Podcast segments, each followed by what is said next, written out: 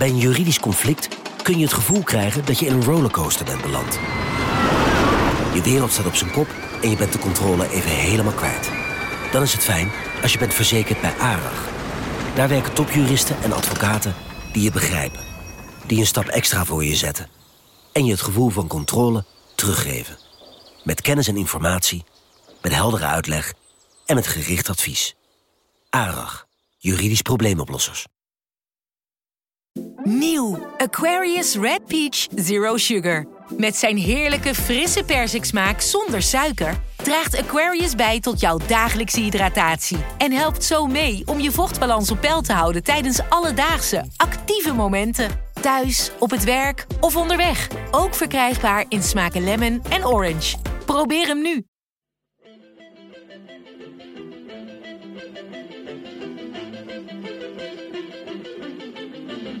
Welkom. Wij zijn Onbehaarde Apen. Dit is een podcast van NRC over wetenschap.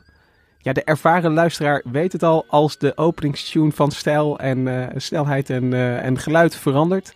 Dan is er ook een bijzondere aflevering te beluisteren. Vorig jaar waren het eh, de marimba's, Hendrik. Ja, herinner ik me. of saxofoons hebben we ook wel eens gehad. Ja, en nu hebben we, je hebt de metal versie gevonden. Van, ja, echt diep op internet. Van een Deense jongen die hoopt op een platencontract. Hij heeft het geloof ik al twintig jaar geleden opgenomen. Leek hem leuk. En dit is gewoon zijn doorbraak misschien. Dat Matt zou toch mooi zijn? Heet hij. Nou, voor iedereen die nog een, een eh, metal eh, head zoekt die ook zijn weg weet in de klassieke muziek. Eh, bij deze. Ehm, wat wij gaan doen vandaag is, eh, we hebben geen eh, conventionele aflevering waar we een onderwerp helemaal uitpluizen. Nee, wij gaan terugblikken met z'n allen. Dus er gaat een soort tafelroulette plaatsvinden waarbij steeds andere mensen aanschuiven. En we gaan terugblikken op 2019 eh, in de wetenschap.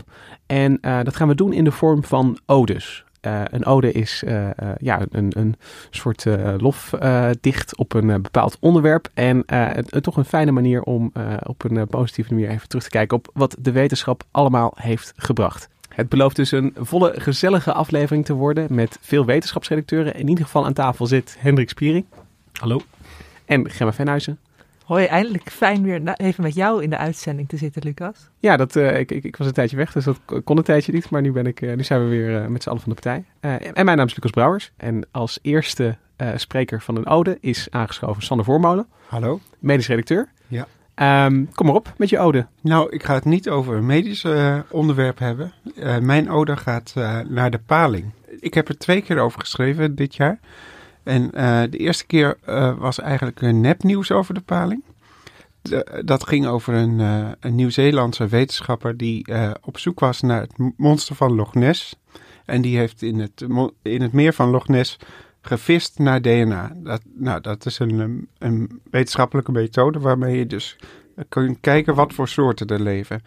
En hij had natuurlijk gehoopt dat hij eh, eh, eh, eh, DNA van ja. een plesiosaurus zou vinden of zoiets. Alsof we dat herkennen. Ja, ja. Op zoek naar Maar een goed. monster. Wat hij vond was heel veel paling-DNA. En eh, daarna heeft hij een, een theorie geformuleerd van... nou, het zal wel een reuzenpaling zijn die daar in, in dat meer leeft. Maar eh, palingdeskundigen zeggen, ja, dat is echt grote onzin. Aan het DNA kun je niet zien of hoe groot een beest is. En de meeste palingen die wij kennen, die worden niet langer dan 1,50 meter of zo. Dus eh, ja, dat lijkt dus een beetje eh, fake news. Het monster van Loch Ness is niet gevonden. Ja. Maar er bestaan wel heel veel mini-nessies dus eigenlijk in de vorm van palingen. Ja, als je het zo wil zien. Ja, bedoel, als je aan het zwemmen ja. bent en je voelt iets langs je been Ja. glibberen, dan eh, Ja. gaat je fantasie toch op hol slaan, denk ik. Maar het is niet zo bijzonder dat er een paling in een zoetwatermeer zoals meer van Loch Ness zit. Ja, en eh, verbonden met eh Open Zee. Ja, want anders precies. wist het ook Ja, niet. ja. Dus dat is toch wel verdomd interessant. Ja, Maar eh, de, de- het- op, wetenschappelijk gezien waren de resultaten niet zo spannend. Maar het was een heel, hele goede PR voor de universiteit waar deze professor precies. werkzaam Ja, was. ja. Hij, hij werkte in, aan de Universiteit van Otago in Nieuw-Zeeland. Ja, Ah, wie, wie oh, komt nee, daar ooit? En eh, hij dacht, eh, hoe kan ik mijn onderzoek eh, een beetje promoten? En toen had de PR-dame daar een fantastisch idee. Kun je niet op zoek gaan naar het monster van Loch Ness? Ja, nou, meteen National Geographic erbij. En een hele documentaire is er gemaakt. En nou ja, een heel spannende zoektocht. Die uiteindelijk alleen maar oplevert dat de paling in het meer van Loch Ness zit. En dat wisten we al. Ik stel voor dat we een keer een live uitzending vanuit Schotland doen, waarbij wij ook op zoek gaan naar het monster van Precies. Loch Ness. Het is een, eh, vooral een les in hoe kan ik eh, eh, het wereldwijde wetenschappersnieuws halen, denk ik, eh, eh, met, eh, met, Precies, een, met een slim ja. experiment. Dat is hem gelukt, want ik heb erover geschreven. Kijk. Dus, En we hebben het er nu weer over. ja, we hebben het er nu weer Maar- over. het is ook leuk. maar nu het echte nieuws. Ja, je, hebt, je had nepnieuws over de paling, Ja. en, maar ook echter nieuws. Het, het echte nieuws komt uit Finland. Daar is eh, een, een aquarium, dat heet het Maritarium. Ik ben nu al overtuigd. ja. En daar hebben ze eh, al, al heel lang palingen in zitten. En eh, afgelopen zomer gebeurde er iets geks. Een van de vrouwtjes die, die leek wel ziek te worden. Die kreeg uitpuilende ogen en een dikke buik en een platte staart. En nou ja, ze wisten eigenlijk niet goed wat er aan de hand was. Achteraf bleek dat dat vrouwtje helemaal vol met eitjes zat. En dat was heel bijzonder, want dat, dat was nog nooit zo spontaan gelukt met palingen. Om die tot voortplanting te brengen. Het is een ontzettend grote kwestie, toch? Hoe, Ja. hoe krijg je palingen tot, eh, tot voorplanten in de, Ja. in de vissenbiologie? Ja, dat lukt wel met wat eh, hormonen en daar moet je heel, heel veel moeite voor doen. Maar hoe het in de natuur gaat, weten we eigenlijk niet. Want palingen zwemmen helemaal naar de Sargassozee. Dat is helemaal aan de andere kant van de oceaan. En daar planten ze zich voort in de zee. Maar niemand heeft dat ooit waargenomen. Dus we weten alleen maar dat de volwassen palingen daar naartoe gaan. En dat er kleine eh glasaaltjes weer terugkomen. En wat er Dus tussen gebeurt is, is eigenlijk een raadsel. Ja, precies. En, en Arjan Palstra, dat is een, eh, een onderzoeker van de Wageningen Universiteit, die is naar Finland gegaan om dit mysterie dus verder in kaart te brengen. En hij hoopt dat volgend jaar eh, nog meer van die palingen rijpe eitjes zullen hebben, zodat hij echt kan volgen van het begin tot het eind hoe dat gebeurt.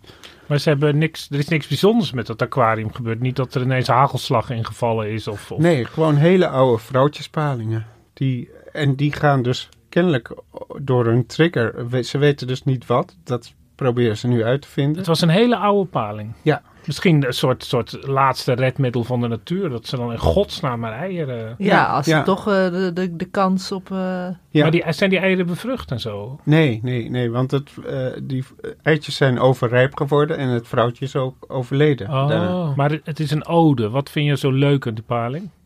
Nou, eh, ten eerste, ik vind het niet zo lekker. maar ik dankzij vind- jou blijft het ja, voor dat te is staan. gunstig, zou ik zeggen.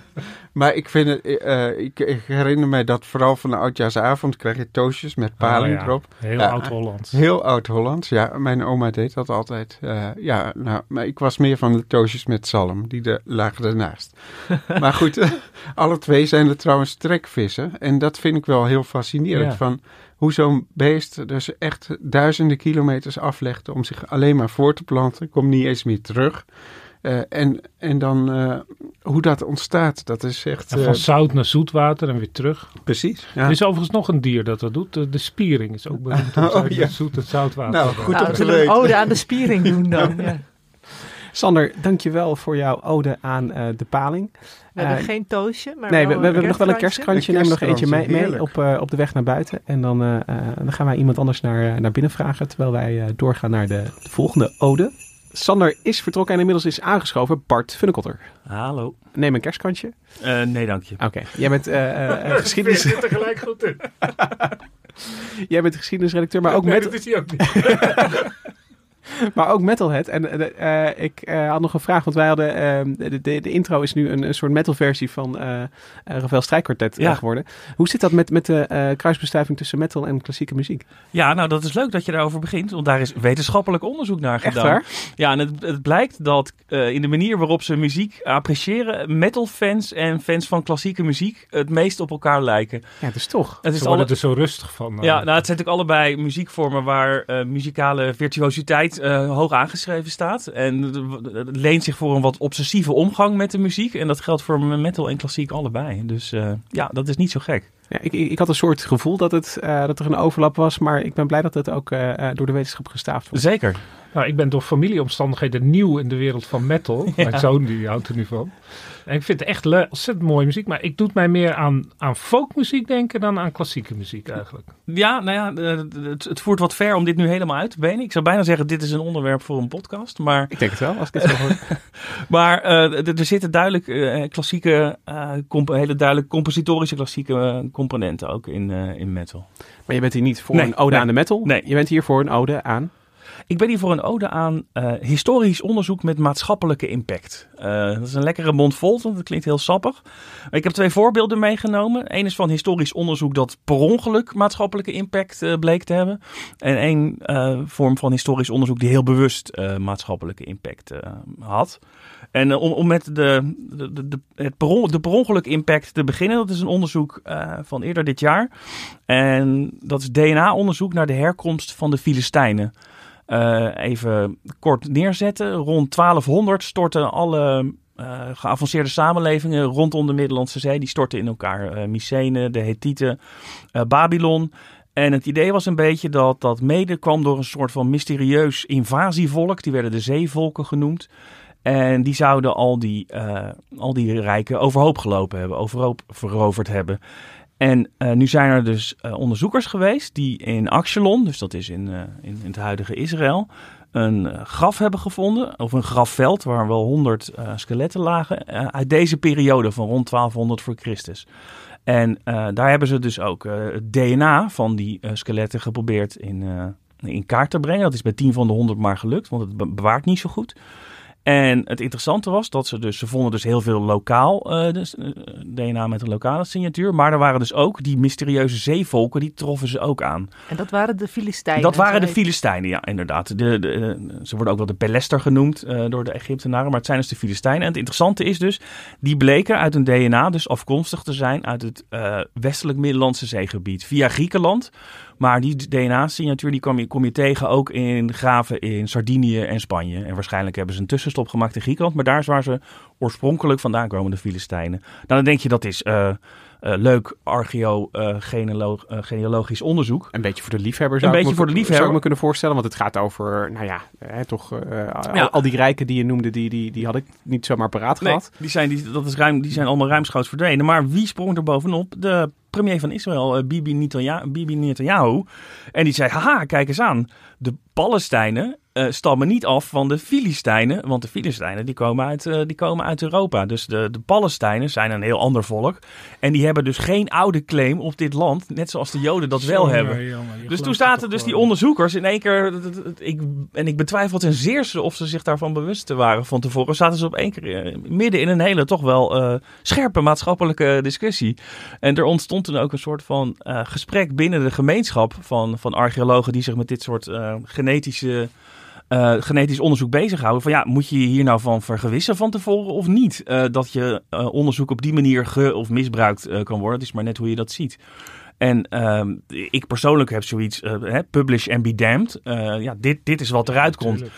En dat daar iemand mee aan de haal gaat en zegt van... haha, Palestijnen, wij, wij hebben een oudere claim dan jullie... want jullie zijn geen afstammelingen van de Filistijnen. Ja, dat zal dan wel. Ik denk, eh, ja, Ja, en als je, als je heel erg rekening gaat houden met allemaal dat soort factoren, dan gaat het hele wetenschappelijk onderzoek naar de Filistijnen. Ja. Want dan, eh, Ja, nee, dan, blijf je, dan blijf je aan de gang natuurlijk. Eh, en het, dus ik, ik, ik, ik vond het gewoon vooral heel interessant. Nederland En zag toen eh, een dag later tot mijn verbazing dat dit een ding was eh, geworden. Maar, maar dan, je kunt zeggen publish and be damned, want de, de, de, de, feiten zijn de feiten, maar eh, heb je dan ook niet een, je bent wel als wetenschapper de eerste die die feiten, zeg maar, presenteert aan de wereld. Ja, moet je dan toch niet, zeg maar, die extra mile lopen om je bewust te zijn in ieder geval van, van dat soort de extra kwesties? mile die ze hadden kunnen lopen in dit onderzoek is dat ze hadden kunnen zeggen. En overigens is het maar bij 10 van de 100 skeletten gelukt. Dus de, de, hè, de N, de onderzoeksgroep, is best wel heel klein. Dus laten we hier sowieso geen vergaande conclusies aan verbinden. Ik denk niet dat je van onderzoekers kunt verwachten die zich bezighouden met het ineenstorting van de bronstijd. eh, eh, dat die zich moeten vergewissen van de, de, de huidige Israëlisch-Palestijnse kwestie. Dat gaat gewoon echt best, best wel veel te ver. Maar dit waren onderzoekers die Ja, per ongeluk, eh, per ongeluk onrust veroorzaakt. En dan heb ik nu nog eh, en een voorbeeld van Nederlandse onderzoekers die heel bewust midden in het maatschappelijk debat sprongen met een onderzoek naar eh, de economische impact van eh, de slavernij eh, op, de eh, op de Nederlandse economie. Dat is een onderzoek waar vijf jaar aan gewerkt is door mensen van het IESG hier in Amsterdam. En die kwamen erop uit dat in het jaar 1770, eh, dat, was, dat zou je het hoogtepunt van het slavernijtijdperk kunnen noemen, eh 5,2% van het Nederlandse bruto binnenlands product afhankelijk was van slavernij. En dat gaat dus heel duidelijk niet alleen om slavenhandel, want dat was, dat was een bagatel qua, qua inkomsten. Eh, maar dat is ook alles, alle spin-offs. Dus de, scheepsbouw, eh, de import van koffie en suiker en dergelijke.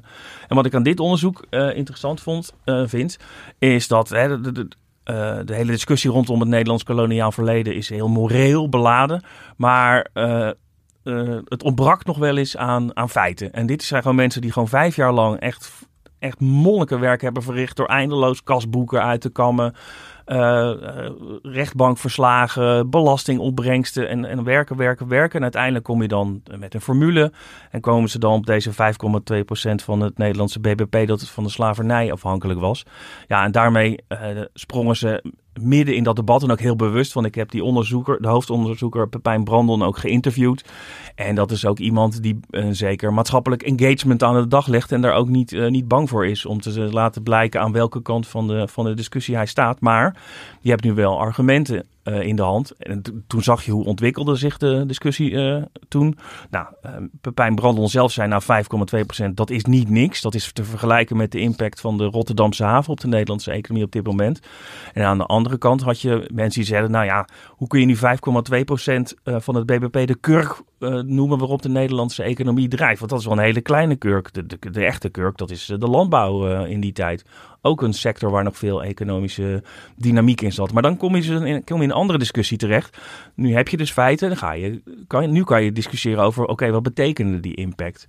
Dus um, dat vond ik, uh, in deze discussie was dat, uh, was dat uh, best wel nodig. En dat heeft ook nou, de discussie best wel een boost gegeven. Want we hebben het er toch een tijdje over gehad met z'n allen. Ja, het zijn ook heldere cijfers. Ja.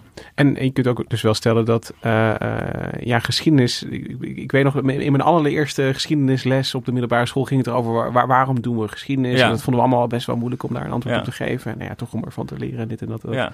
Maar de, de beide voorbeelden die, die je gaf, ik heb wel het gevoel dat 2019 ook wel een jaar is waarin we allemaal veel meer naar, naar geschiedenis en, en, en afkomst en, en wie zijn we eigenlijk aan het kijken ja, dat zijn. heeft en, een beetje mee te maken met dat, uh, dat, dat veel van de discussies gaan over identiteit. En ja, daar leent geschiedenis zich bij uitstek ten goede en ten kwade overigens uh, voor. Om uh, dat soort discussies van munitie te voorzien. Ik moet zelf altijd zeggen dat ik ben op geschiedenis verliefd ben geworden vanwege de, de, de, prachtige verhalen en het diepe inzicht dat je kan krijgen in het leven van mensen die je nooit gekend hebt, die zich heel ver van je af bevinden. En ik ben net zo geïnteresseerd in de geschiedenis van de, de Babyloniërs als de Russen als de Nederlanders. Het is gewoon het tastbaar maken van een ander leven, heel ver weg, dat mij fascineert. En uh, heb, heb je dan nog een, een, een, voorkeur voor een van deze twee strategieën, noem ik maar. Maar even, weet je, de, de ene, de, de, de, de ondogmatische geschiedenis, gewoon nou, kijk, uitvinden wat je uitvinden kan. En de andere van, oké, okay, dit is een vraag die leeft in de samenleving en die gaan we oplossen. Kijk, ik ben, ook, ik, ik ben een alfa en ik heb natuurlijk dat alfa minderwaardigheidscomplex. En uh, zo genetisch onderzoek naar geschiedenis, dat is natuurlijk wel hele echte wetenschap. Dus dat vind ik wel, uh, dat vind ik wel heel tof. Uh, dat is wat anders dan het uitkomen van inderdaad rechtbankverslagen en belastingopbrengsten. Maar dat laatste is natuurlijk gewoon, je hebt een vraag, je gaat naar het archief en je gaat die vraag proberen te beantwoorden. Dus daar komt geen serendipiteit bij kijken in de zin van wat haal ik uit dat, uh, uit dat knekelveld. Dat laatste, dat gewoon vijf jaar het archief induiken, dan met zoiets bovenkomen, met een antwoord op een vraag. Ja, dat is, dat is het summum als historicus. Ik vind het een prachtig pleidooi voor de ja, geschiedenis eigenlijk bijna. Mooi. Ode aan de geschiedenis. Ja, juist. Dankjewel. Jo, graag gedaan. Bart heeft de studio verlaten en inmiddels is aangeschoven Marcel Aandebrug. Welkom Marcel. Hey, hallo. Uh, er staan kerstkantjes als je uh, die behoefte voelt. Zo. Maar uh, daar ben je niet voor gekomen. Je bent hier gekomen voor een ode. En dat is in jouw geval een ode aan... De wolken. De wolken, oké. Okay. Ik begin met een gedicht. Heel goed. Ik droeg nog kleine kleren en ik lag lang uit met moeder in de warme hei. De wolken schoven boven ons voorbij. En moeder vroeg wat ik in de wolken zag. En ik riep, Scandinavië. En eenden. Daar gaat een dame. Schapen met een herder. De wonderen werden woord en dreven verder. Maar ik zag dat moeder met een glimlach weende. Toen kwam de tijd dat ik niet naar boven keek, of schoon de hemel vol van wolken hing. Ik greep niet naar de vlucht van het vreemde ding, dat met zijn schaduw langs mijn leven streek. Nu ligt mijn jongen naast mij in de heide en wijst me wat hij in de wolken ziet. Nu schrei ik zelf en zie in het verschiet de verre wolken waarom moeder schreide. Mooi. En dit is een gedicht van eh, Martinus Nijhoff. en ehm, nou ja, Daar zit al heel veel in. daar zit al heel veel in. Ik bedoel, we kennen het allemaal. eh, dat naar de wolken kijken en dan eh figuurtje van alles erin zien. Wat je vroeger eh, veel deed. Toen prachtig, echt ook totaal Martinus Nijhoff. Ik dacht het eigenlijk al met die cirkelbeweging die erin zit, dat hij dan weer het kind wordt. Ja, en, ja. eh, Heel mooi. prachtig. Maar het, het is ook een beetje, het staat voor iets in de wetenschap. ehm, omdat we proberen het klimaat te voorspellen wat ons eh, de komende eeuwen te wachten staat. Maar als je de voorspellingen ziet en hoeveel de aarde gaat opwarmen, dan zit daar heel veel spreiding in, in die modellen. En eh, wat de wolken zullen gaan doen in de toekomst, ehm, dat is eigenlijk de grote onbekende nog steeds. Na 20, 25 jaar heel veel onderzoek en allerlei IPCC-rapporten ehm, is dat nog steeds de grote onbekende. En, en dan, eh, want in die klimaatmodellen, er, er, er moet van alles eh, moet erin komen. Van, van oceaanstromingen tot oceaantemperatuur, tot eh, luchttemperatuur. Ja, tot, ja. en, en, dan, en dan heb ik eigenlijk, moet ik eerlijk zeggen, nog nooit nagedacht over de rol van de wolken in dit alles. Ja. Dus ik, ik ben wel heel benieuwd naar wat die wolken dan, dan doen. Ja, en die doen eigenlijk twee dingen. Ze koelen af en ze warmen op. En dat is een beetje, dat is een beetje namelijk het, het, het verwarrende. Kijk, de lage wolken die, eh, die weerkaatsen het zonlicht. Dus die, eh, die zorgen dat er minder zonlicht op aarde valt. Waardoor dat is een koelend effect. Ja, een koude dag in de zomer als het alles bewolkt is. Ja. Is dat eigenlijk. De hoge bewolking, ehm, als de aarde opwarmt, dan eh, zendt die ook weer straling uit. En de hoge bewolking, die, dat is juist de bewolking die de warmte vasthoudt, die de warmte weer terugstraalt, waardoor de, wa- de aarde opwarmt. Dus ehm, wat er in de toekomst gaat gebeuren, meer hoge bewolking, meer lage bewolking, eh, eh, eh, hoe is de invloed van ehm, ehm, aerosolen zijn heel belangrijk voor, eh, voor de vorming zijn van dat? wolken. Dat zijn eh, fijnstof, roet, allerlei deeltjes ja, dat in de zijn lucht. eigenlijk de, de wolkencondensatiedeeltjes waarom eh, wolken zich kunnen vormen, toch? Precies, je hebt dus de aerosolen die in de lucht zweven en op die aerosolen kunnen zich waterdruppeltjes, eh, ja, die, die condenseren daar en dan krijg je wolkenvorming. Nou ja, Dat Ja. gedicht van Nijhoff wordt wel steeds dieper, want ze liggen dus eigenlijk naar het gevolg van luchtverontreiniging. Nou, maar ik vind het wel interessant, want ik heb een paar jaar geleden voor NRC heb ik ook een eh, wiskundige geïnterviewd, Jesse Dorrestein. En die deed onderzoek naar eh, de vorming van, van wolken en hoe je dat kunt toepassen in eh, klimaatmodellen. ja, en ja, ja. inderdaad, het gaat heel erg ook over de resolutie van, van zo'n ja model. zeker, en zeker.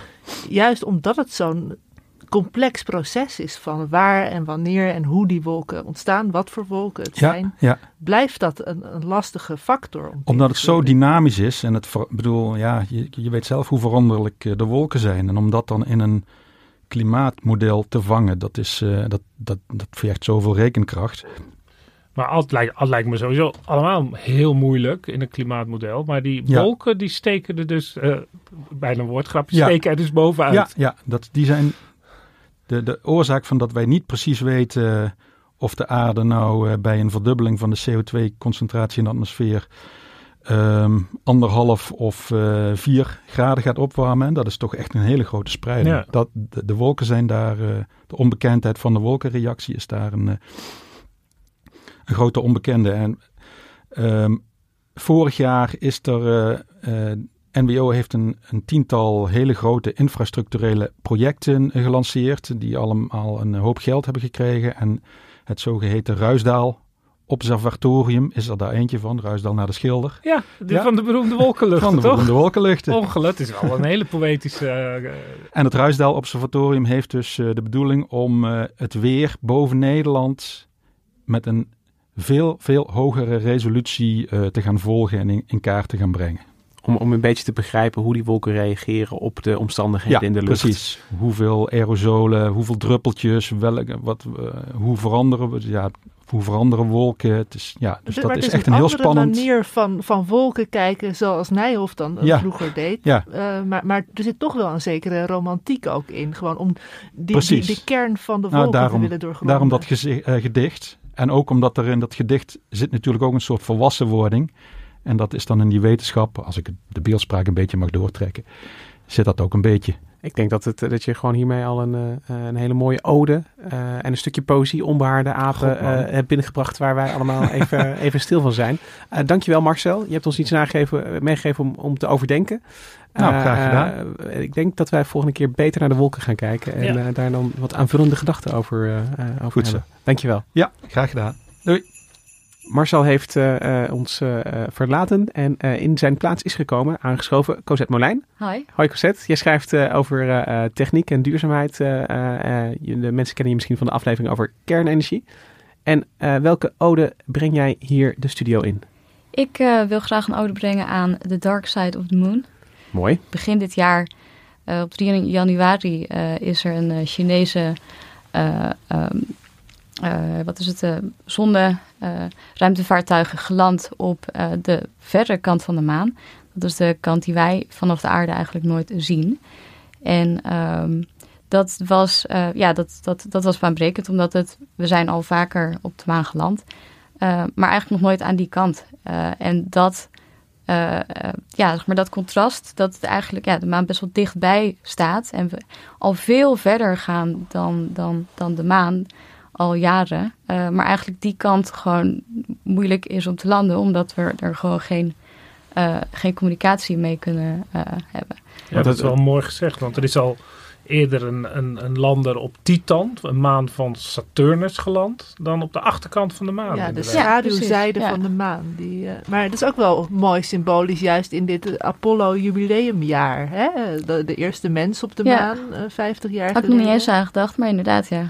En is het zo dat, eh, eh, je, je zegt al aan van, ik, ik dacht eerst toen je het zei van ja, voorkant, achterkant van de maan, eh, wat maakt het uit? Weet je, van, van die maan die, die, die is er toch en hij is best dichtbij en we kunnen tegenwoordig zoveel. Maar eh, wat je vertelde over die communicatie die, die lastiger is, toen dacht ik ineens, oh, er, zit- er zitten ook echt wel wat extra technische uitdagingen die erbij komen kijken als je naar de achterkant van de maan wil. Ja, want eh, in principe is het heel simpel. Je kunt gewoon eh, geen lijn trekken, geen rechte lijn eh, naar de achterkant van de maan. Eh, Ja, er zit ongeveer, wat is het, eh 6000 kilometer maansteen zit ertussen. Klopt. Eh, dus wat ze hebben gedaan ook is, ehm, in zeven maanden eerder hebben ze een communicatiesatelliet eh, daar naartoe gestuurd. Ze stond op 65.000 kilometer van de maan af, dus aan de andere kant. En daarmee, via die satelliet, kun je dus wel, eh, ja, wat is het, communiceren met die achterkant. Dus je kunt, die satelliet zag zowel de aarde als die kant. En eh, Maar wat ga je dan meten op de achterkant van de maan? Wat zijn dan de, de, de, vragen die je daar bijvoorbeeld kan stellen? Eh, nou, er wordt veel grondonderzoek gedaan. eh, en eh, wat zij bijvoorbeeld ook ehm, hebben gedaan, is een, een, een, een hermetisch afgesloten doos, even simpel gezegd, met, en om te kijken of ze daarin plantjes en andere organismen ja, kunnen laten groeien. Kijken hoe, hoe, lang dat. dat dus ze hebben ehm, zaden, zaadjes van, van, ehm, van katoenplanten volgens mij meegenomen. En is er al iets bekend? Ik bedoel, we zijn nu bijna een jaar verder. Zijn er al, al data? Ik, ik weet nog in die eerste dagen, eh, toen eh, de, de, de, de landing net gelukt gelukt was. En dan kwamen die foto's kwamen binnen van, van die plantjes. Het, het was was een soort Big, Big Brother eh, eh, katoenplant op de maan, zeg maar. Ja, maar Het- het er was staat een best dat Big bizarre- Brother huis staat dat een jaar geleden. Ik bedoel, eh, zijn er nog eh, pikante dingen tussen de plantjes voorgevallen? Nee, ze zijn heel snel dood gegaan ook, Ja. want dan gaat de zon onder op die kant. Want het, is, Ja. dus het heet dan in het Engels vaak de dark side of the moon, maar het- er wordt vaak bedoeld de achterkant. Maar de achterkant is net als de voorkant, alleen we zien hem gewoon nooit, omdat de maan de, de, altijd hetzelfde kant van eh, de bol naar ons toegekeerd houdt, naar de, naar de aarde. Maar de- het licht en donker is gewoon precies hetzelfde Ja. als... eh, het is niet dat het daar altijd donker Voor ons is. is het gewoon onzichtbaar. En dat, Ja. dat, dat, dat voert natuurlijk wel echt ontzettend veel, eh, veel fantasie. Hè? Er zijn er wat films over gemaakt. wat sci-fi, horrorfilms. Ja, Dark Side of the een, een Moon, Duitse eh, basis zijn eh, vol nazi's Ja, op de achterkant van de maan. Iron Sky, inderdaad. En eh, het is een film uit 2012 en de, daarin zouden de nazi's in 2018, dus dat vorig jaar zou dat al geweest zijn, uh, ja, de aarde toch hebben teruggepakt. Vanaf de achterkant van de maan. Ja. Maar ja. de, de Russen die hebben het eerst een foto van de achterkant van de maan uh, gedaan. Dat was de tijd Ja. dat de Russen echt totaal leidend waren. Ik denk 59. 1959. Ja. hè, ja. En dit is natuurlijk toch ook een stuntje met die plantjes. En de Chinezen laten gewoon zien wat ze kunnen. Maar dat, En- dat is zoals heel veel ruimtevaart Ja, een, heel in zekere, een, zekere zin een stunt of een demonstratie Ja. is van, van technologisch Ja. vermogen. Eh, en en in, in, in dat opzicht is het ook interessant dat dat een, een Chinese missie was, waar het ineens eh, over de hele wereld over ging. En ook niet toevallig dat het in het 50-jarig bestaan van die eerste maanlanding door mensen is. Dat, dat kan geen toeval zijn. Nee, daar zullen ze over nagedacht hebben. Dat, dat geloof ik ook wel. Wie weet zijn er over 50 jaar wel mensen op de achterkant van de maan. Of een katoen, eh, eh, katoenplantage. Ja, dan kun je komen daar je spijkerbroeken. Maar is dat Ja. duurzaam dan? Nou, dat is weer een andere vraag. Dat is een andere vraag. Uh, dankjewel, Cosette, voor deze ode aan de, de achterkant van de maan. Oké, dank je. Het apenroulette gaat nog even door. Cosette heeft de studio verlaten en Nikki is binnengekomen. Hoi Nikki. Hallo. Uh, uh, Nikki Korteweg, jij schrijft uh, over medische onderwerpen voor, voor NRC. Um, wat voor ode heb jij meegebracht? Ik breng een ode aan psychedelica-onderzoekers. Psychedelica-onderzoekers? Ja, psychedelica zoals ketamine en MDMA en, uh, en paddo's, waar psilocybine in zit. Die kennen sommige luisteraars misschien wel uit het partycircuit en van de feestelijke stemming die je ervan kunt krijgen. Um, maar sinds kort doen wetenschappers daar ook echt serieus onderzoek naar bij ernstige aandoeningen. Waar mensen echt heel erg aan lijden, depressie en, uh, en uh, PTSS. Um, en dat vergt moed, want dat zijn natuurlijk gewoon drugs. Met een slechte reputatie. Je kan er verslaafd aan raken, er zijn bijwerkingen, er zijn excessen waarbij mensen uit ramen springen en, uh, of hartstilstanden krijgen. En als onderzoeker krijg je dan te maken met vooroordelen, negatieve reacties, collega's die, die er niks van vinden. En het kan zelfs je carrière schaden. Zijn carrières aan ten onder gegaan. Dus uh, ja, ik vind dat uh, die, die psychedelica-onderzoekers wel een, een klein, kleine ode verdienen. Jazeker. En uh, kun je dan zeggen dat, dat, um, dat ze een beetje uit het verdomhoekje zijn gekomen de afgelopen jaren? Dat dat nu gangbaarder is dan uh, tien jaar geleden bijvoorbeeld? Ja, ik denk dat tien jaar geleden was het nog niet zo uh, bon ton. Ja, ik weet ook niet of dat nu al zo is, want ik, ik, ik, proef, ik was op een con congres dit jaar en daar proefde ik wel ook echt die enorme voorzichtigheid, uh, omdat het toch wel een heikele kwestie is. Er, er is ook een Nederlandse onderzoeker, uh, een flamboyante hoogleraar, Jan Bastiaans, die jaren geleden met LSD mensen met oorlogstrauma's wilde um, behandelen. En dat, aanvankelijk was hij heel succesvol en stond hij ook echt op een voetstuk. Ja, de jaren maar, 60 was dat. Ja, 50. maar 60. hij is daar best wel lang mee doorgegaan. Ook toen, toen hij al van het voetstuk gevallen was. En nou ja, uiteindelijk is hij echt wel verguisd om zijn methodes. Hij, hij behandelde die mensen ook alleen op een, op een, in, in een villa. En uh, uiteindelijk is er ook zelfs iemand overleden. Dus nou, dat, dat kan heel uh, vervelend aflopen. Um, maar de laatste jaren wordt er dus toch wel steeds weer onderzoek gedaan naar uh, de effecten van dit soort psychedelica op uh, bij depressie bijvoorbeeld. Ja, want het, het is eigenlijk de, de, de geschiedenis is eigenlijk net uh, de geschiedenis van de deltawerken. Zeg maar in de jaren 50 en 60 was het, werd er heel veel onderzoek gedaan en werd de LSD ook gratis verstrekt aan onderzoekers om eens te kijken wat je ermee kon doen. En er is best veel onderzoek gedaan. En toen is er in de tweede helft van de jaren 60 een soort crackdown uh, gegaan. Er zijn alle zeearmen dichtgegooid. Ja. Van er wordt niet meer gedaan. Er werd op de, de, de, verboden lijst. Alle instituten werden gesloten. En het, ja, je, je werd precies wat je zegt. Je werd verketterd als je het ging doen. En nu lijkt het een beetje zoals de Volkeraksluizen nu ook een beetje open gaan. Om ja. toch nog wat zout water uh, in de delta te laten. Dit is echt een van de bijzonderste analogieën die ik deze week heb gehoord. Maar heel inzichtelijk. Maar Nicky, als ik goed heb geluisterd, de, de, die reputatie van, uh, van die psychedelica, die straalt dus ook een beetje af op het onderzoek eromheen. En, en, en zeker als je dat dan, dat onderzoek van Bastiaans, daar, daar was ook wel wat mee mis. Absoluut. Hoe, hoe, hoe doen die onder, gaan die onderzoekers van nu daarmee om? Hoe zorgen ze ervoor dat het zeg maar ingekapseld is in, in ja, nette wetenschap? Nou ja, precies. Ze, ze willen dat gewoon heel uh, open en helder doen. Dus uh, je moet sowieso natuurlijk van tevoren je, je proefopzet aanmelden. En de medische ethische commissie moet daar naar kijken. Uh, en ze, ze leggen alles heel duidelijk vast. Ehm, met ketamine wordt bijvoorbeeld onderzoek gedaan bij depressie. En er zijn echt heel veel belovende resultaten bij. Ehm, maar ook met psilocybine uh, wordt onderzoek gedaan. En wat je daar bijvoorbeeld ziet, is dat, dat, je, dat ze patiënten een dosis geven en dan daarna ja, een soort uh, psychologische sessie uh, geven, waarbij twee therapeuten aanwezig zijn. Dus het zijn er altijd twee. Dus ja, dan heb je ook niet een, een rare, obscure situatie waarin een patiënt helemaal aan het hallucineren is en, en een, een therapeut ja, kan doen wat hij wil zonder controle. Um, ja, dus er wordt echt wel op allerlei punten op gelet dat het niet uit de hand kan lopen en dat heel duidelijk is hoeveel, hoeveel mensen krijgen en hoe lang dat duurt. Dus die psychedelica revival, zeg maar, als ik het zo mag noemen, die, die verloopt wel, wel anders dan uh, ja, wat we in de jaren 60 en 70 zagen. Nou ja, toen was er, het is eigenlijk uit de hand gelopen, omdat uh, Timothy Leary en uh, nog zo'n paar van dat soort LSD-profeten, die uh, juist in een tijd van enorme sociale onrust uh, gingen ze uh, die LSD ook promoten als een manier om weg uit de burgerlijke samenleving te gaan. Terwijl de, het, het, het openbare gezag met angst en beven zag dat er steeds meer dienstweigeraars kwamen. Voor de oorlog in Vietnam gingen die LSD-profeten dat nog eens een keer aanjagen van... ja, je allemaal van die leuzes die ik nog even ben vergeten. stap eruit. En, ja, en dat, en er werden ook allemaal verhalen. Er werd, het was ook een soort culture war zoals we dat nu ook hebben. Terwijl dat onderzoek wat ze toen deden, was echt veelbelovend. Ook met het, uh, het depressie ook al. Ja, en, en dat werd allemaal gestopt. ja. Ja. maar dat is ook wel een beetje inderdaad het, het, het nek uitsteken heeft ermee te maken dat het aan de ene kant heel goed en veelbelovend kan zijn, maar dat het ook mis kan. Uh, we hebben het net over ja, de schaduwzijde die... van de moon uh, gehad. Ja, maar... hier zit ook een enorme schaduwzijde aan. Ja. En dat, maar, dat is ook natuurlijk de angst.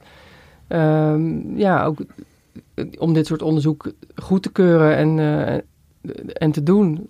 Ja, je hebt, en uiteindelijk ook om, om zo'n middel dan als medicijn op de markt te brengen. Je krijgt natuurlijk toch gewoon... Ja, mensen kunnen daar verslaafd aan raken. Er kan misbruik van gemaakt worden. Dus het moet gewoon heel goed uitgezocht worden hoe het als medicijn werkt. Dus ja, ze benaderen het nu echt gewoon als medicijn. En, en ik, ik vind het wel interessant dat het misschien wel voorzichtiger mee om wordt te gaan dan met, met andere uh, uh, medicijnen. Ik bedoel, de opiaten zijn ook gewoon uh, in, in Amerika veel te ja, ook verslavende nou, stoffen. Moet je kijken wat ja. daar... ja, ik, ja, ja, absoluut. Daar, dat, is ook de ang, dat voedt ook de angst natuurlijk hier weer voor die verslaving.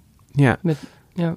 En uh, als, je, als je dat, uh, je hebt het dus zo, zo'n beetje geobserveerd in 2019, wat er, wat er allemaal gebeurd is. Verwacht je dan voor, voor komend jaar dat er, dat er daar echt stappen ingezet worden?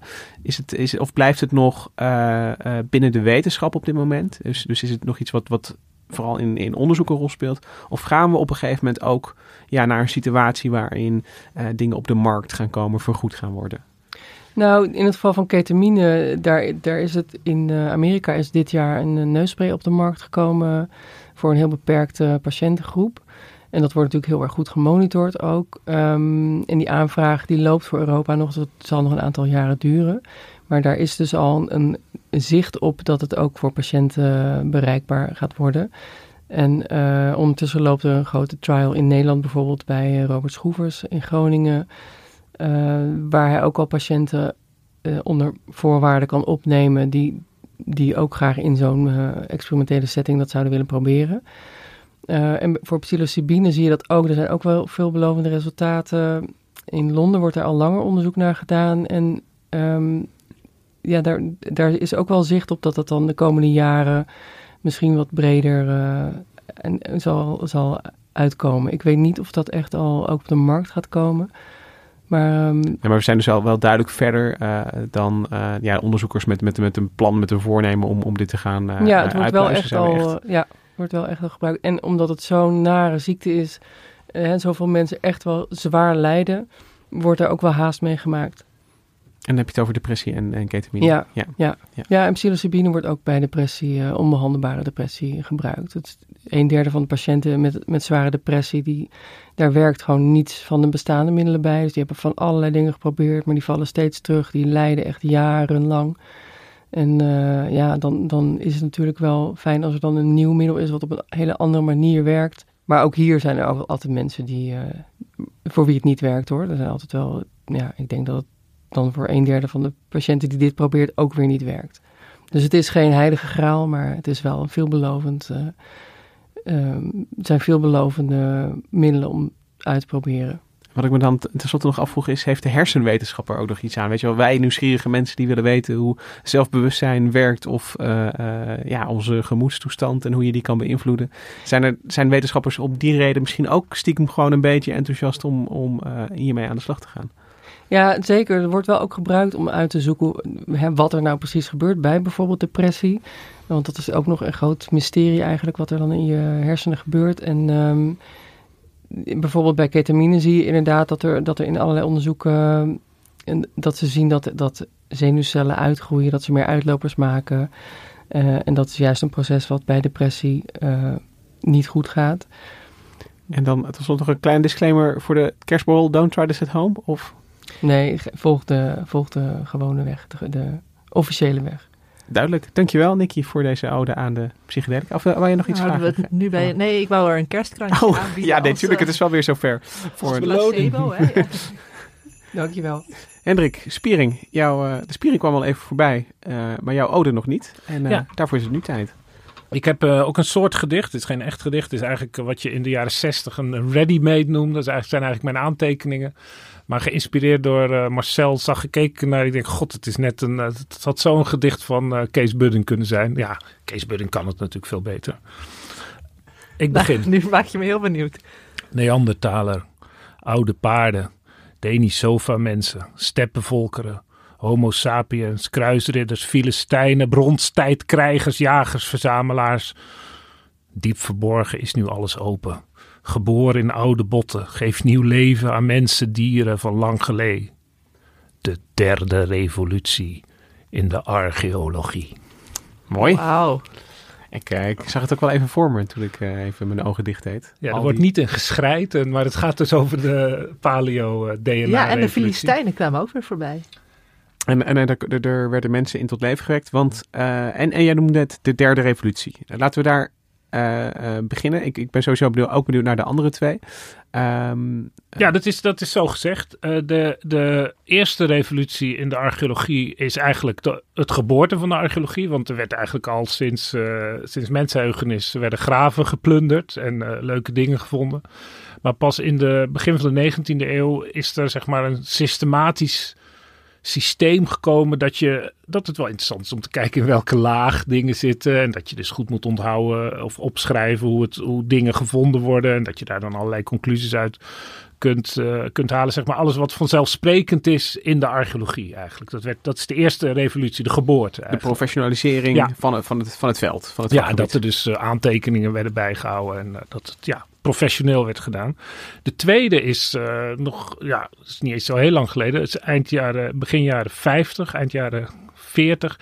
De ontdekking van de C14-dateringsmethode. Want daarvoor had je alleen maar die lagen en dan kon je, kon je wel zien dat zeg maar, de bronstijd voor de ijzertijd kwam. Maar wanneer dat dan precies was, dat je wist je eigenlijk niet. Je kon tijdperken relatief ten opzichte Ja. van elkaar ordenen. Ja.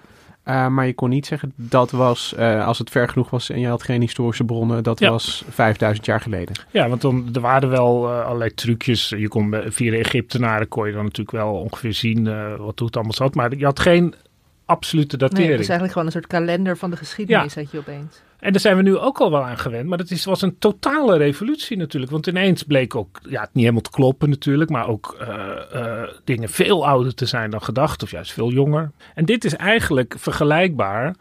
Het is eigenlijk in 2010 eh, echt begonnen met het, het, het onthullen van het Neandertaal-genoom. En dat, dan zitten we dus gelijk al 40, 50.000 jaar geleden. Dat ze dus het oude botten, via allerlei technieken, eh, het DNA kunnen reconstrueren. En ook kunnen onderscheiden van modern DNA. Dus een, een enorme, enorme industrie zit daarachter. En in, in zekere zin lijkt het, het is dus een technische revolutie, net als de C14-revolutie. Absoluut een technische revolutie. de, de, de techniek uh, uh, die, die vordert en die maakt ineens mogelijk dat je vragen kan stellen en beantwoorden. Ja, dat er een hele nieuwe, dus een hele nieuwe dimensie. Want je kan dus ineens uh, verwantschappen tussen Neandertalers en moderne mensen. Dat was een grote uh, omslag in het denken. Want daarvoor hadden ze al wel stukjes, kleine stukjes DNA gevonden van uh, van Neandertalers. En die bleken niet erg verwant met de moderne mens. Dus er was geen menging met de moderne mens. Dat was een logische conclusie. Toen het hele DNA kwam, ja, bleek er dus enorme menging te zijn geweest. En dat veranderde het hele denken over onze relatie met uh, onze naastverwante uh, mensachtige. In hetzelfde jaar werd er ook nog een botje geanalyseerd waarin een hele nieuwe mensensoort bleek te zitten, aan het DNA te zien. Welke soort was dat? De Denisova-mens, dus een, een verwant van de Neandertalen, een soort Neandertalen, maar echt anders. Nou, en zo ging het maar door. Uh, Bart had het net over de Filistijnen. Ik heb zelf wel eens geschreven over kruisridders die dan uh, bepaald DNA hadden. Wat ook weer een nieuw, dat was dan weer niet zo revolutionair, maar het was toch alweer een, een, een, dingetje in de puzzel. Maar het, het is vooral dat het overal in voorkomt. En wat ook heel invloedrijk is geweest, is de analyse van graven uit steentijd en bronstijd. Dat je dus ziet dat er eerste jagers-verzamelaars die in Europa woonden, je ziet het over de hele wereld, door migrerende boeren worden ja, verplaatst eigenlijk. Dat je dan ineens een heel nieuw DNA, kan je ook de bron terugvinden. En zo gaat het maar door. Wat ik nog me dan afvraag is, is dat uh, uh, ja, die vakgebieden worden in de 19e eeuw, dan worden het allemaal aparte zuiltjes. Maar als ik het jou zo goed uh, hoor, dan moesten de archeologen eerst een soort halve natuurkundige worden om de C14-methode te snappen. En nu moeten ze ook nog diep de genetica in om deze techniek nou, te kunnen gebruiken. Je moet er wel wat vanaf weten, want, maar het, zijn gewoon, het is gewoon een specialisme. Dat, dat, dat, zijn dus natuurkundigen die aan een, een uh, voor C14 aan een uh, archeoloog, dat het archeologische team worden toegevoegd en hun eigen lab hebben. En zo gaat het met de genetici ook. Maar je krijgt dus genetici die heel veel van de archeologie weten dus, en uh, archeologen die heel veel van genetica weten. Dus eigenlijk een, een, een, de geboorte van een nieuw beroep kunnen we wel zeggen, de paleogeneticus. Ja, dat kan je wel zeggen, ja. En ik hoorde ook al dat het dus ook sociaal verandert er heel veel. Want er zijn allemaal archeologen, die hebben natuurlijk allemaal in hun archiefkasten botten liggen die ze al twintig jaar geleden hebben opgegraven. En die zijn ineens, bij wijze van spreken, geld waard. Want uh, ik hoorde laatst dat die, die David Reich, die heeft grote onderzoeken gedaan. En die heeft met al die mensen contact van mag ik een gaatje boren in uh, de schedel in jouw kast. Ja, dat, dat allemaal opgedoe, maar dat kan dan. En er was laatst, een, er kwam een andere onderzoeksgroep. Die zei, waarom heb je dat aan David Reich gegeven? Waarom heb je dat niet aan mij gegeven? Een ruzie waar archeologen nog nooit bij stil hadden gestaan. Een bottenoorlog. Ja, dus daar is concurrentie ook over.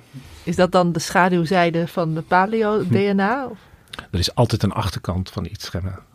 Daar, dat maakt me wel nieuwsgierig. Um, maar uh, we zijn denk ik aan het einde gekomen van jouw ode. En uh, we hebben nog twee odes te gaan. En dan ga ik toch naar jou kijken, Gemma, voor uh, de voorlaatste ode. Nou, ik had een leuk plan. Ik dacht, ik ga een ode brengen aan het meest ondergewaardeerde dier van het afgelopen jaar is dat bijvoorbeeld de bocheldansvlieg. Een uh, nieuwe soort die afgelopen, uh, nou ongeveer een jaar geleden in de uh, Ensi-groeven in Limburg werd ontdekt. Hè? Dat leuke naam, maar niemand heeft het daarna ooit nog over de bocheldansvlieg gehad. Of is dat misschien zelfs de eikenprocessierups? We hebben het allemaal over hem gehad, maar echt gewaardeerd werd hij niet. Terwijl nee. hij toch vanuit heel biologisch gek. oogpunt is hij heel erg leuk. Als je allemaal eikenprocessenrupsen achter elkaar zet, dan beginnen ze in een processie rond te lopen. Nou ja, of is dat misschien de noordelijke witte neushoorn? Een soort die we blijkbaar zo ondergewaardeerd hebben dat hij opeens op het punt van uitsterven stond en we hem nu weer in het lab tot leven werken. Ik wist het niet. En toen ging ik denken, ja, dat is ook niet zo gek, want er zijn in totaal, hè, als je alle uh, dieren, planten, schimmels, alles meerekent, kennen we iets van 1,8 miljoen soorten nu. Naar schatting zijn er iets van nou, nog eens 7 miljoen soorten die er wel bestaan, maar die we niet kennen. Uh, dus één soort uitkiezen. Er zijn heel veel soorten onderbelicht, ondergewaardeerd. De meeste eigenlijk, als ik het zo... Uh... Ja, en toen dacht ik, ik ga een ode brengen aan de biodiversiteit. Het was uh, in mei van dit jaar kwam het IPBES-rapport uit. Ik weet niet of jullie dat nog weten. Een soort uh, ja, biodiversiteitstegenhanger van het IPCC-rapport.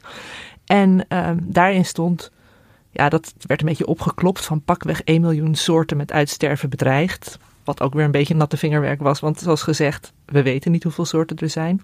Maar het liet wel zien de biodiversiteit gaat ontzettend hard achteruit. Dat zie je ook in Nederland al. Uh, uh, iets van 8% van de zoogdieren is uh, bedreigd of ernstig bedreigd. Um, 22% van de bijen, 28% van de reptielen. En um, we gaan heel vaak hebben we het over het nut van die soorten. Dus als je naar insecten gaat kijken, het nut voor ons als bestuivers als we het naar die neushoorn weer even teruggaan over het nut van zo'n dier in het ecosysteem. Maar ik wilde eigenlijk gewoon zeggen, biodiversiteit is ook zo ontzettend mooi vanwege die rijkdom. Het is een soort intrinsieke waarde, denk ik, dat we allerlei soorten hebben en dat we er steeds meer leren kennen. Elk jaar komen er weer heel veel soorten bij uh, die we leren kennen. Nou ja, Lucas, jij houdt altijd een soortenblog bij. Heb je ja, ik heb allemaal uh, alerts aanstaan. In, uh, ik krijg e-mailtjes en Twitter-notificaties als er ergens melding wordt gemaakt van nieuw species. En dan ga ik altijd even kijken wat er, wat er is bijgekomen. Ja, dus en dat is ook, ook nu weer, weet je, vissen, gekko's, kreeften, noem maar op. En daarom wil ik ervoor pleiten, ga voor één keer open je hart even voor alle leuke, uh, onogelijke, soms misschien uh, bij tijd en wijle zelfs vervelende dieren. Maar wees blij dat ze er allemaal zijn. Ik vind het prachtig. Ja, prachtig. En tegelijkertijd denk ik ook, ja, dat ze met z'n zoveel zijn, is misschien ook wel het, het, het, probleem. Weet je, we hebben een paar een paar dieren zijn uitgegroeid tot iconen. En die, die, die zijn in onze verhalen, komen die voor. Die, uh, die, die, daar, daar, daarvan hollen we naar het hok in de dierentuin, want die willen we als eerste zien. Disney-films en The Lion King. Ja, ja en dat, dat zijn dan de uitverkorenen waar, waar, waar we ons zeg maar zorgen over kunnen maken. Net zoals die noordelijke witte neushoorn die noemt. Die heeft dat nog voor zich, ook al is die bijna uitgestorven. Maar het is wel uh, een, een dier wat, wat, wat we allemaal kennen. En, en, en dan, dan is daar daaronder, weet je, dat is, dat is het topje van de piramide. En dan heb je daaronder heb je al uh, dat andere wat er krioelt en kruipt en, en leeft. En, en uh, gewoon probeert te zijn op deze aarde. En ja, dat, dat, zie dat maar eens, uh, zie daar maar eens harten voor te winnen. Ja, nou, ja zeker hebt... voor mensen die in een steenwoestijn leven in de stad. Is natuurlijk het, daar kan je het ook zien natuurlijk, onder de tegels. En dat enorme bouwwerk, dat, dat systeem van de natuur wat door de evolutie zo is bijgeveild dat het allemaal precies op elkaar past, of juist niet. En dan gaat het allemaal weer veranderen. Het is een enorm gebouw. Het is zeg maar, je moet, ja, ik wil niet zeggen dieper nadenken om het te begrijpen, maar je moet wel op een andere manier. Het is een andere beleving van schoonheid dan wanneer je een uh, leuke panda uh, door het bos ja, ziet lopen. Maar het is wel inderdaad, ook al in je eigen achtertuin kun je een, een jungle aan soorten vinden. Ja, zeker en bij de insecten. Ik interviewde laatst de emeritus hoogleraar uh, Herbert Prins uit Wageningen. En die zei van ja, de mens wordt vaak gezien als kroon op de schepping. Maar de pissebed is net zo goed kroon op de schepping. Alle soorten die er nu zijn, zijn ook het resultaat van, van evolutie en hebben een plek om hier te zijn. Ja, want de, de, er zijn natuurlijk eigenschappen die ons uniek maken. Maar wij mensen vinden dat toevallig de belangrijkste eigenschap. Ja. Terwijl het, het, unieke eigenschap van een bepaalde pissebedsoort die ja, iets, een bijzonder soort grasnet kan omzetten en eten. Ja, die kan zich heel uniek. mooi tot een bolletje oprollen ja. bijvoorbeeld. Nou ja, dat vinden wij er weer minder interessant. Ja, ik ben niet zo lenig dat dat kan. Nee, ik, ik was een keertje diep onder de indruk bij de gedachte, die, die las ik ergens, dat... Uh, Weet dat, dat je een, tot aan jou en het ontstaan van een leven kun je gewoon een keten van voorouders neerzetten. 4 miljard jaar terug en die veranderen dan allemaal van vorm. Maar dat, datzelfde trucje kun je doen voor elk levensvorm op aarde. Alles wat je om je heen ziet, kan, kan die lijn terugleggen naar het begin. En, en dat, nou ja, dan, als je het hebt over die intrinsieke waarden, weet je wel, ze zijn zo ver gekomen en, en, en gaan ze het halen. Dat is dan. Uh, ja, Richard Dawkins heeft daar echt zijn allerbeste boek, vind ik persoonlijk. Niet iedereen zal het met me eens zijn. Dat is de Ancestor's Tale. Dat is ook in het Nederlands uh, vertaald. En dat, ja, dat gaat, begint bij de mens en gaat eigenlijk zo terug en neemt hier en daar wat afslagen. Dus dan heb je een hoofdstuk. Op een gegeven moment kom je bij de sponsen. En dan kom je, je gaat steeds verder terug tot je bij het allereerste leven uh, uh, eindigt. Met allemaal, ieder levensvorm heeft zo zijn eigen uh, hoofdstuk. En er wordt een heel dat hele gebouw, dat hele systeem wordt zo langzaam zichtbaar gemaakt. Echt prachtig. Maar um, als jullie mij toestaan, zou ik van al die mooie dieren er toch graag eentje in het bijzonder nog even, even uitleggen, uitlichten. Dit is jouw ode. Dit wordt mijn ode. Luisteraars, we gaan nu luisteren naar de ode van Lucas Brouwers. En um, nou ja, ik, ik, begin gewoon.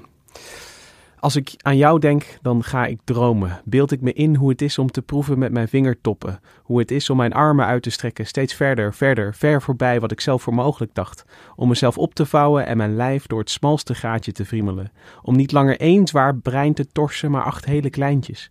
Om niet precies te weten wat mijn ledematen uitspoken om bij elke emotie in mijn lijf van kleur te verschieten, om schalen te breken en schelpen te kraken, om drie harten blauw bloed door mijn aderen te laten pompen. Achtarmig wonder, zachtlijvig lubberdier, wat is het onmogelijk om me dat allemaal voor te stellen? Je bent onvoorstelbaar, octopus. En de mensen die me een beetje kennen, die weten het al dat de octopus mijn uh, absolute lievelingsdier is. Ik loop hier op de redactie altijd uh, te pronken met mijn uh, octopus mok.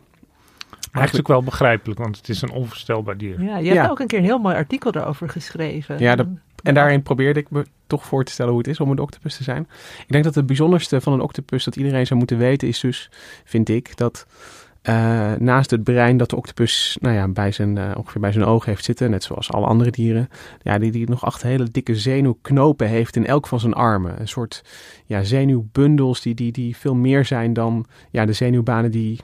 Wij zijn toch een soort centraal georganiseerd dier met een brein en dan allemaal snelwegen die daar naartoe leiden.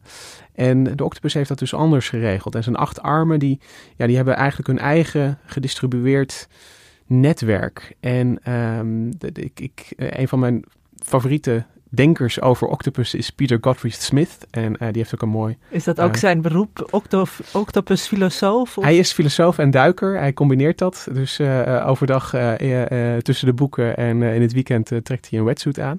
hij heeft een mooi boek geschreven, Other Minds. En... Um, nou ja, hij, hij blijft ook gefascineerd door die octopus, net zoals ik. En hij, blijft dat ook. En hij heeft, in 2019 heeft hij weer een mooi artikel geschreven over hoe dat dan is als die ledematen ja, voor een deel door iets anders aangestuurd worden dan dat centrale brein, hoe dat dan is. Um, hij stelt het inmiddels niet meer voor alsof, uh, alsof, alsof de octopus een soort passant is in zijn, in zijn eigen lichaam, die maar alle kanten op wordt gevoerd. Maar hij stelt het zich wel voor dat ja, als, als de octopus er niet bij nadenkt dat die tentakels of die armen een groot zelfstandig ja, leven hebben, maar dat de octopus zijn aandacht wel kan richten en, en een beetje kan overnemen. En, en dus op die manier... Een soort moeder over zijn... Of, uh... Ja, het, het, het, is dus ja, wel... Of een, een, een, vloot van schepen met een centrale commando die veel vrijheid laten aan uh, de losse schepen. Dat een beetje. En, en in die organisatie zit, uh, ja, zit, zit voor mij toch vind ik wonderlijk. Ja. Weet je, het is een, een dier wat, wat op zo'n andere manier in elkaar zit dan uh, wij of de neushoorn. Of, ja. Ik voel een of, podcast aankomen trouwens over de ja, octopus. maar ik heb wel meerdere podcastafleveringen gehoord uh, tussen al deze ouders. Uh, maar, maar ik, ik, heb, ik, heb, nog, heb jij ook met andere achtpotige dieren dan een, een band? Ik bedoel, de spin bijvoorbeeld. Of vind je die toch inferieur omdat die niet zulke zelfdenkende... Ik, ik vind de octopus wel interessanter omdat het ook... Uh, een, een, en dat is dan toch een, een beetje die menselijke blik die Hendrik al noemde, uh, cognitief en interessant. Ja, het is een, uh, een veel complexer dier dan een spin. Ja, en een, een, um, een octopus die, die, die, een octopus heeft streken. Octopus kan ontsnappen uit zijn aquarium, weet je, en, en, en die, die kan de, de, de verzorgers tot wanhoop drijven in wat hij nu weer ja, heeft en uitgehaald. Ja, het is ook echt vastgesteld slim. Er is een bepaald soort hoge ja. intelligentie. En het gekke vind ik van octopus is dat ze niet zo oud worden. En dan, is ook zo'n wet in de natuur dat dieren die oud worden, daar heeft het zin om te investeren in intelligentie. Denk maar aan dingen leren. olifant. Ja, worden allemaal oud. Ja. Alleen de octopus niet. Waarom? Wat, wat voor geheimzinnigs Hoe oud wordt hij dan? Een paar jaar maar. Ja, een paar jaar. Dus, dus uh, op, op een gegeven moment is het, het leven van het octopus voorbij. En, en dit is dus een van de raadsels die de, die de octopus onderstelt dus. Uh, en en, en, en waar, waar mensen dus ja, mee aan het worstelen zijn van, van hoe, hoe werkt dat. En van wie was dat gedicht nou? Van mezelf. Ah, prachtig. Dankjewel. Onze eigen octopusfilosoof, ja. uh, uh, en uh, er is in, in sommige jaren heb je heel mooi octopusonderzoek. ik Andere jaren weer wat minder. Nou, ja, weer, 2019 viel een beetje tegen. 2018 eindigde met een bijzonder octopus-experiment waar iedereen het over had. Toen hadden onderzoekers MDMA aan octopussen gegeven. En die gingen dan ook ineens sociale gedrag vertonen. Um, maar in Alles 2000... komt samen van vandaag. Ja, ja. ja uh, ook een beetje wetenschapskritiek. In 2019 kwam de kritiek los op dat experiment. Ja. Niet helemaal zuiver uitgevoerd. Te moeilijk. Ze hebben geen placebo-groep uh, gebruikt. Nee. Om, um, ze hebben dus een octopus voor en een octopus nagemeten. Ja. Maar ze hebben niet een octopus uh, gemeten die ze niks gaven voor en na, zeg maar. Uh, dus of MDMA, MDMA octopussen ook socialer maakt, moet nog blijken. Um, ja, ik denk dat we daarmee de ode aan 2019 wel eh, eh, hebben volbracht. Ik zag ook eh, dat iedereen nog een keertje gaat terugkomen, want wij moeten nog eh, eh, 2020 in gaan luiden op een mooi wetenschapsjaar. Dus ik wil iedereen, denk ik, even naar binnen halen. Jongens, Ah, eindelijk de champagne ontkurken. zeker. Aan, aan iedereen die aan Onbehaarde Aap heeft meegedaan, ontzettend bedankt. Luisteraars, jullie ook ontzettend bedankt. Wij hebben heel veel zin in, oh daar gaat hij al, om in eh, 2020 weer heel mooie afleveringen te gaan maken. Heb ik, eh, eh, heb ik alles? Nou, dan, eh, dan heffen we het, ge- het, het glas en... eh Plastic beker. Je Melita, laten bedankt. klinken. Tot volgend Eh, jaar. eh, tot volgend jaar. En eh, eh, eh, op een eh, mooi wetenschapsjaar. En eh, blijf nieuwsgierig. Gelukkig Lia.